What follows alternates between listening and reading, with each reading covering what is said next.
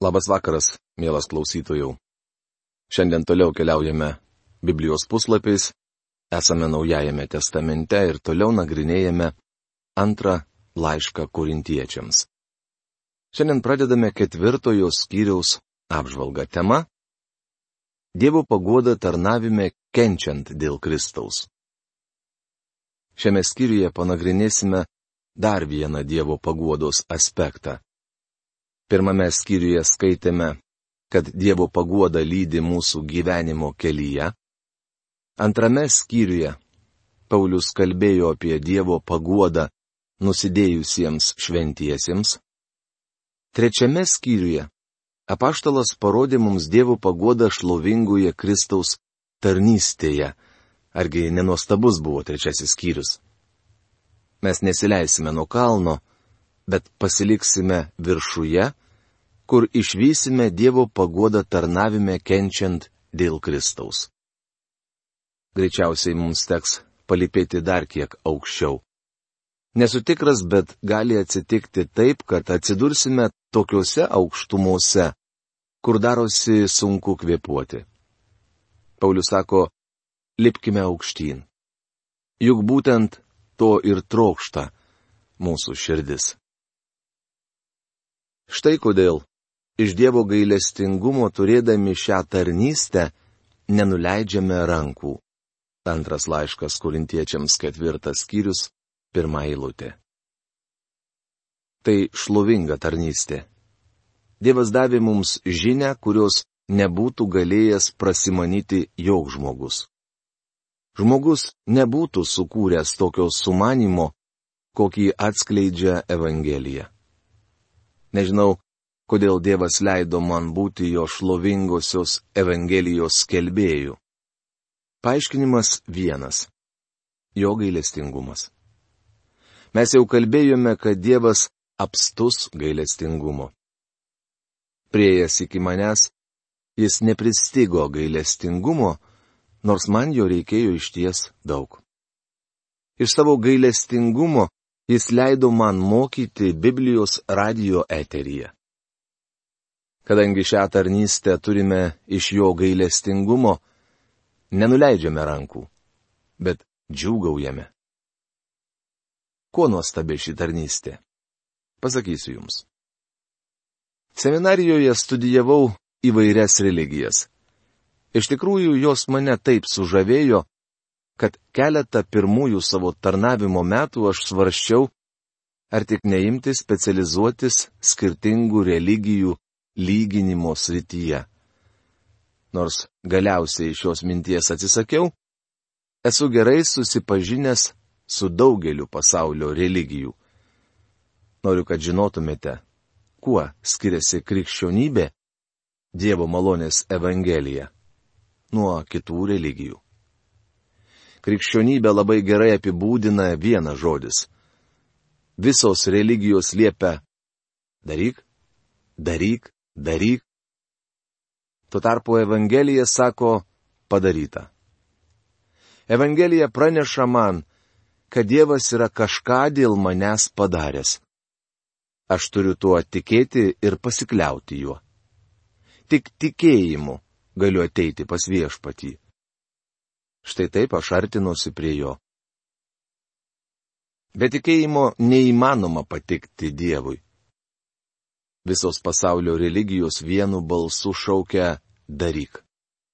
Kartais netima juokas pasiklausius, ką pasak, įvairių sektų ir kultų turi daryti žmogus, kad būtų priimtinas Dievui.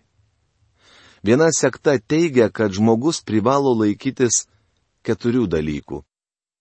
Kita, kad septynių. Dar kita tvirtina, kad būtina vykdyti dešimt priesakų. Tai yra dešimt Dievo įsakymų. Kai kurios iš šių sektų sutinka, jog mums reikalingas tikėjimas. Tačiau tikėjimą jie supranta ne kaip pasitikėjimą Jėzumi Kristumi, bet kaip pripažinimą, kad Jėzaus gyvenimas ir mirtis yra istorinis faktas.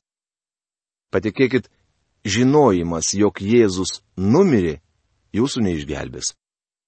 Bičiuli, Jėzus Kristus numirė už mūsų nuodėmės, kaip skelbė raštai. Tai esminis skirtumas. Mes turime pasitikėti jo užbaigtų darbų. Visa jau atlikta. Kitados Paulius buvo įstatymų valdžioje. Jis žinojo, ką reiškia būti pavaldžiam įstatymui, kuris sako daryk, daryk, daryk.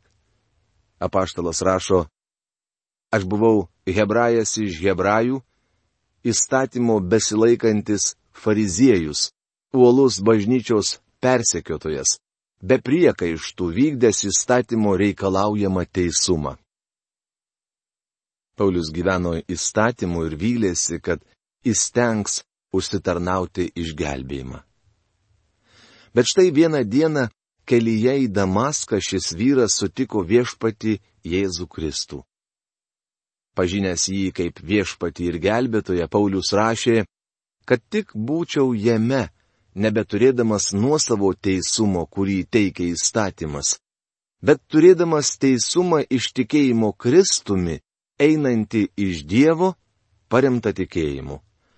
Rašoma filipiečiams laiško trečios skyriaus aštuntoje devintoje eilutėse.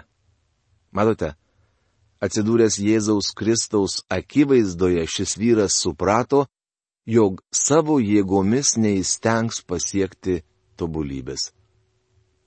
Teisumo, kurį teikia įstatymas, negana. Pauliui būtinai reikėjo Kristaus teisumo. Apaštalas sako, kad tuo met jam išaušo nauja diena. Kiekvienam iš mūsų išaušta nauja diena, kai pripažįstame šį faktą. Šiandien mums reikalingas gailestingumas. Dievas gailestingas. Jis mus pamilo. Iš savo gailestingumo jis parūpino mums gelbėtoje ir šiandien išgelbsti mus savo malonę. A koks nuostabus mūsų Dievas. Atvirkščiai, mes susilaikome nuo slaptų gėdingų darbų, nesileidžiame į gudravimus ir neklastojame Dievo žodžio, bet atvirų tiesos skelbimu prisistatome kiekvieno žmogaus sąžiniai Dievo akivaizdoje. Antras laiškas korintiečiams, ketvirtas skyrius, antra eilutė mes išgelbstimi Dievo malonę per tikėjimą Kristumi Jėzumi. Tačiau po to, kai tampame išgelbėti, mumise turi gyvuoti Evangelija. Mes atsižadėjome slaptų gėdingų darbų. Ateiti pas Kristų tai daugiau negu protų suvokti, kad Kristus numirė ant kryžiaus. Ateiti pas Kristų reiškia įtikėti jį ir būti jo atgimdytam. Po to, kai Kristus mus išgelbsti, turime būti Evangelijos pavyzdys. Kitaip tariant, tas, kuris skelbia Evangeliją, privalo būti šventas. Paulius sako, mes susilaikome nuo slaptų gėdingų darbų. Norėčiau perskaityti jums šią eilutę iš išplėstinės Biblijos versijos. Tai puikus vertimas, perteikiantis visus Pauliaus minties aspektus. Aš skaitysiu antrą eilutę, o jūs sekite ją savo Biblijoje. Mes atsižadėjome gėdingų dalykų, slaptų minčių, jausmų, troškimų ir slapukavimų, metodų ir gudravimų, kuriuos žmonės slepia iš gėdos. Mes atsisakome elgtis apgaulingai, tai yra suktai ir klastingai, klastoti ar nesažiningai perteikti Dievo žodį. Bet atvirai skelbėme tiesą, aiškiai ir bešališkai. Taip mes įsiteikėme kiekvieno žmogaus sąžiniai Dievo akivaizdoje. Mums nedėra veidmainiauti ir apsimetinėti tikinčiojo elgesys neturėtų prieštarauti tam, ką jis kelbė. Mūsų elgesys turėtų būti priimtinas viešpačiui Jėzui Kristui. Nesame tobuli, tačiau privalome gyventi taip, kad patiktume jam. Mes neturime klastoti Dievo žodžio. Kažkas, versdamas šią šventojo rašto vietą, pavartojo žodį prekiauti. Mes neturime prekiauti Dievo žodžiu. Šiandien tai labai aktualu. Pone pamokslininkė, dėl ko jūs pamokslaujate?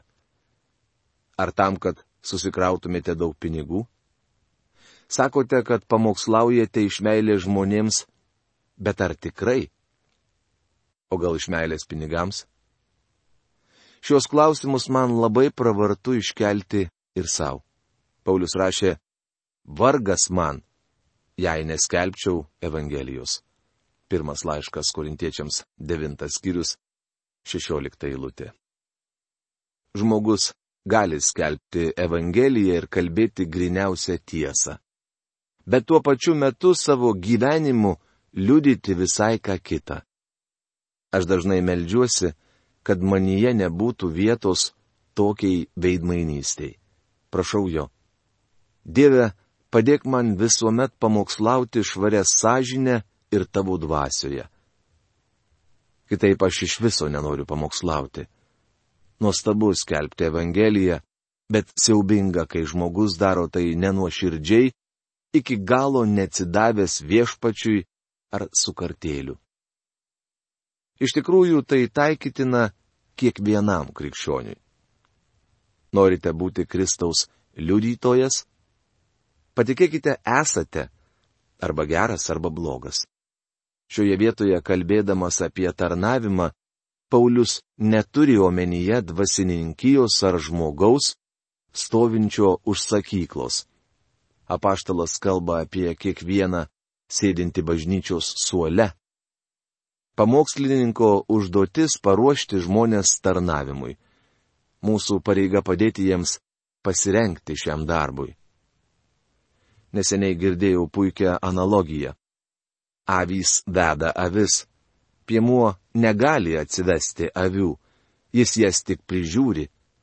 Taigi šiandien avis gali laimėti tik kitos avys, nes tik avys veda avis. Mano užduotis paruošti bažnyčios tikinčiuosius, kad jie galėtų liudyti. Beje, ar jūs kaip nors prisidedate prie Dievo žodžio skleidimo. Tai liudijimas. Gal Dievo dovana jums yra galimybė uždirbti daugiau, negu uždirba kiti? Ar naudojate šią dovaną, kad būtų garsinamas Dievo žodis? O gal esate maldos vyras ar moteris, užtariantis Dievo žodžio skelbėjus ir mokytojus? Jūs turite kontaktų su žmonėmis, kurių niekas kitas pasiekti negali. Daugelis nenori klausytis mano radio programų. Minutę kitą pasiklausę, jie perjungia stotį. Galbūt jūs galite pasiekti žmogų, kuris nenori klausyti nieko kito. Drauguži, Dievas pašaukė jūs būti liudytoju. Jeigu mūsų Evangelija tebėra paslėpta, tai ji paslėpta vien einantiems į pražūtį netikintiesiems, kuriems šio pasaulio dievaitis apakino protus, kad jie neišvystų Dievo atvaizdo - Kristaus šlovės Evangelijos šviesos.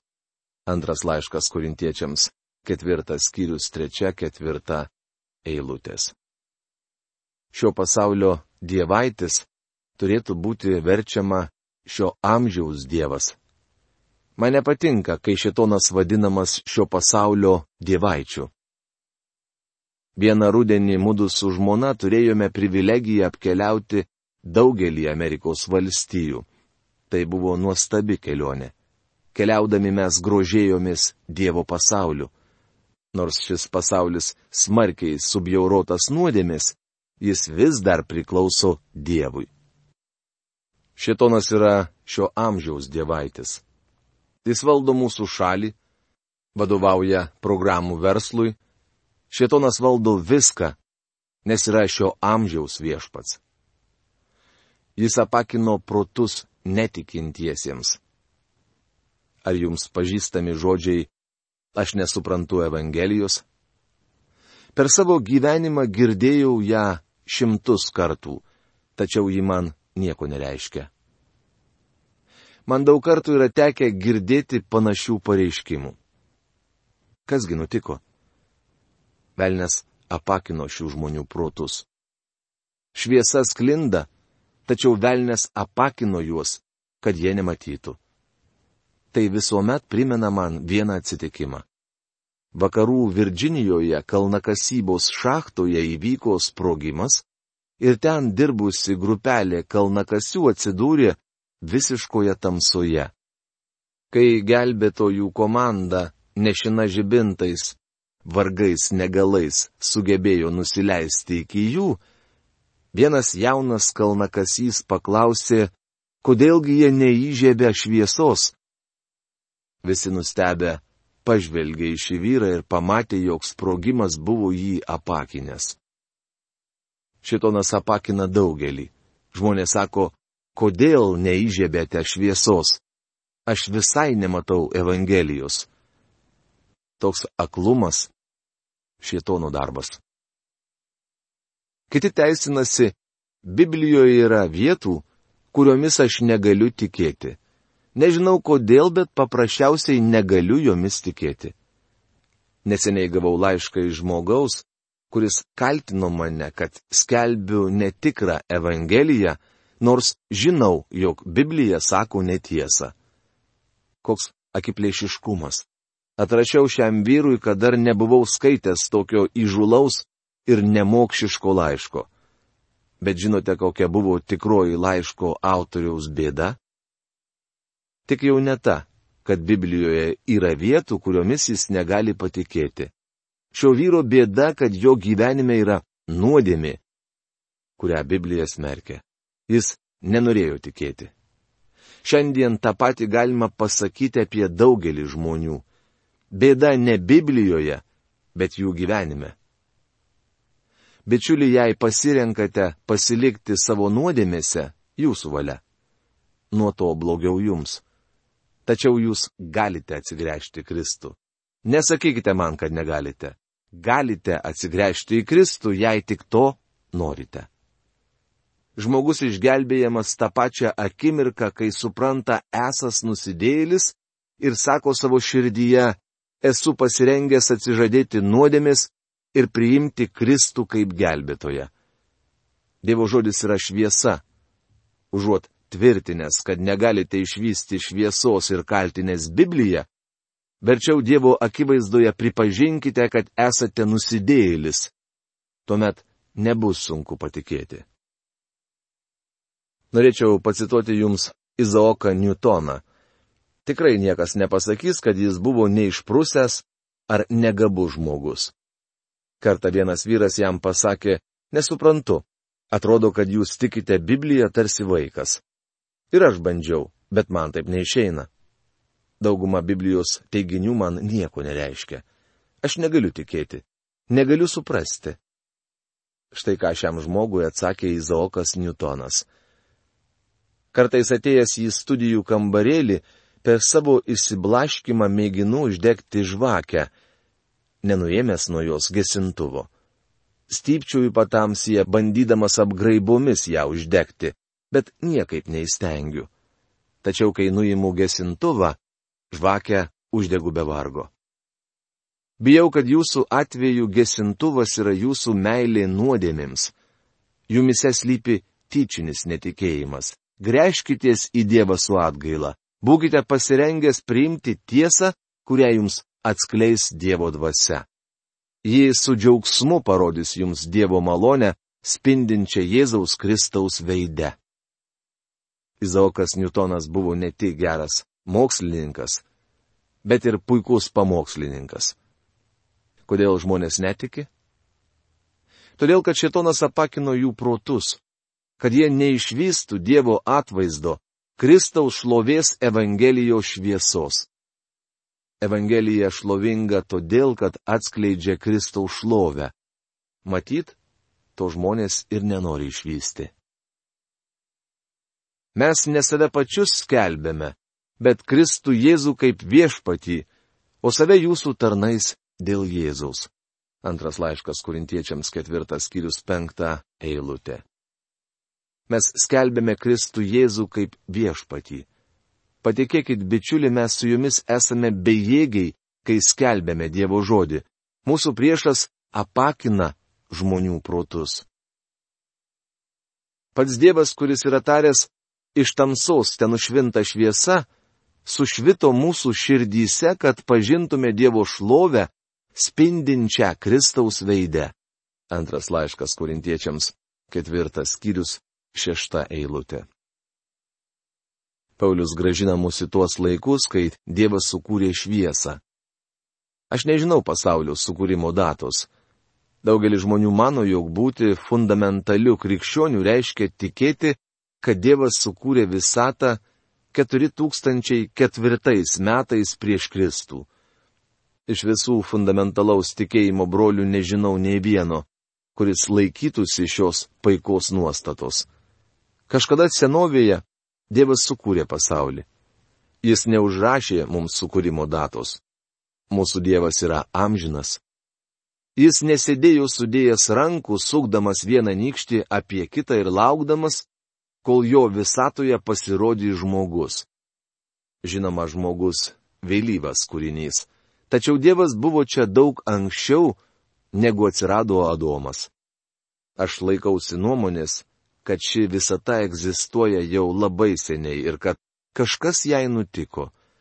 Daugelis liudyja, jog įvyko kažkoks milžiniškas sukrėtimas. Akivaizdu, kad tobulai kūrinyjei kažkas atsitiko. Pradžios knygos pirmame skyriuje mums sakoma, kad Dievas įsikišo ir ėmė veikti. Dievo dvasia dvelkė, o tiksliau perėjo virš vandenų. Tuomet Dievas tarė, te būna šviesa. Ir šviesa pasirodė. Paulius sako, kad Dievas, kuris pradžios knygos pirmame skyriuje yra taręs, iš tamsos ten užvinta šviesa, sušvito mūsų širdyse, kad pažintume Dievo šlovę spindinčią Kristaus veidę. Kaip Dievo dvasia dvelkia virš vandenų, taip dvelkia virš žmogaus. Jį pakaltina mus ir atgimdo. O tuomet sužyba Dievo atvaizdo Kristaus šlovės Evangelijos šviesa. Štai ir vėl mes žvelgiame į jį. Kaip kažkas yra pasakęs, žvilgsnis išgelbsti, o atidus žiūrėjimas pašventina. Mums reikia daugiau žiūrėti į Kristų. Tačiau net ir žvelgdami į jį, tesame silpni indai. Mielas klausytojau, tolimesnę šios skyriaus apžvalgą mes pratesime kitoje mūsų laidoje. O šiandien mūsų laikas jau baigėsi. Iki malonaus sustikimo. Sudė.